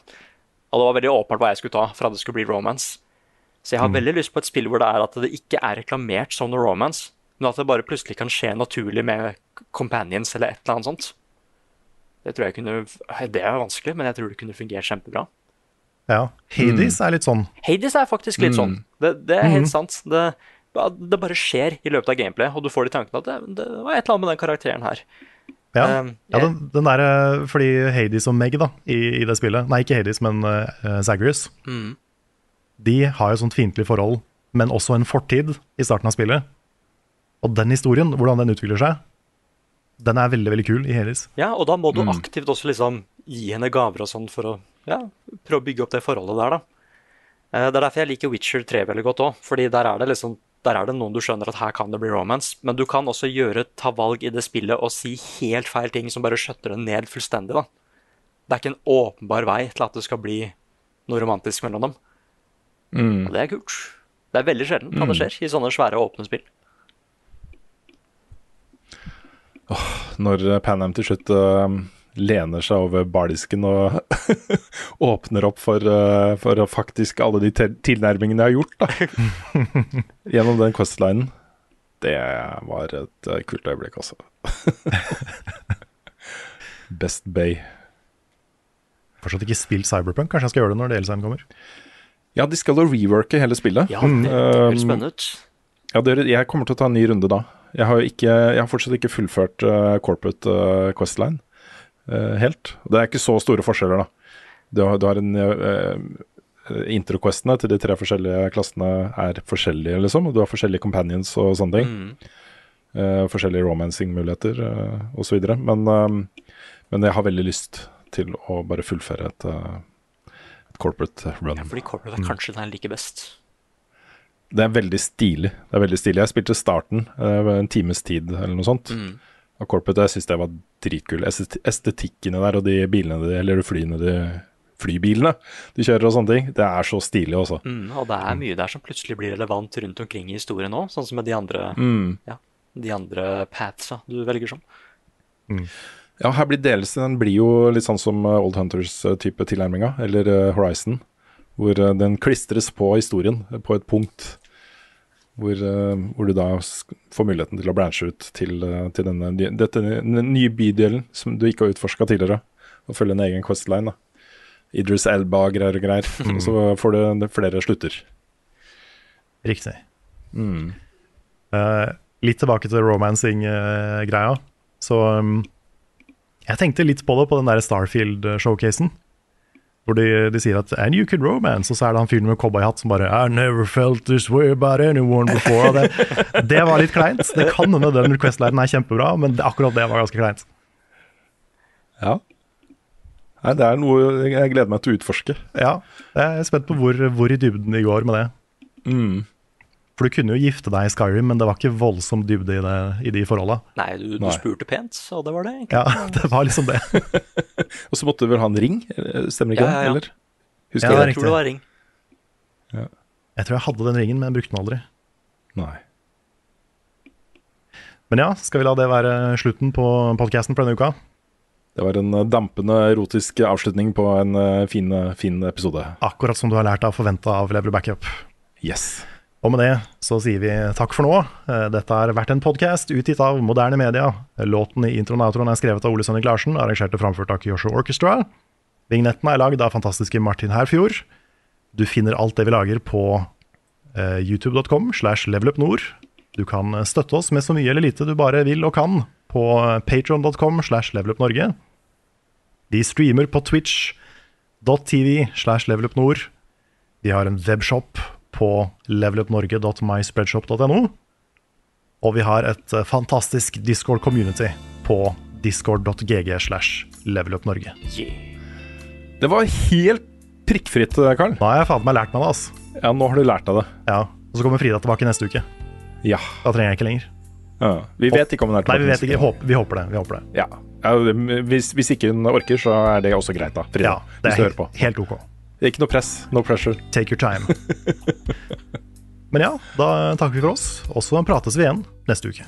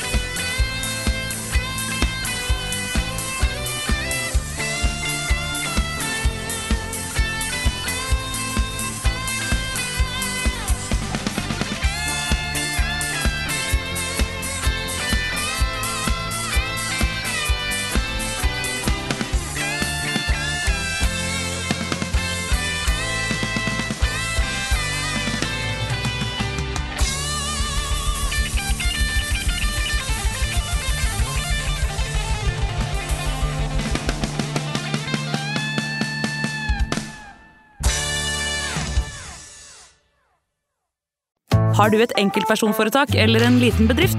Da er du sikkert lei av å høre meg snakke om hvor enkelt det er med kvitteringer og bilag i fiken, så vi eh, gir oss her, vi. Fordi vi liker enkelt. Fiken superenkelt regnskap.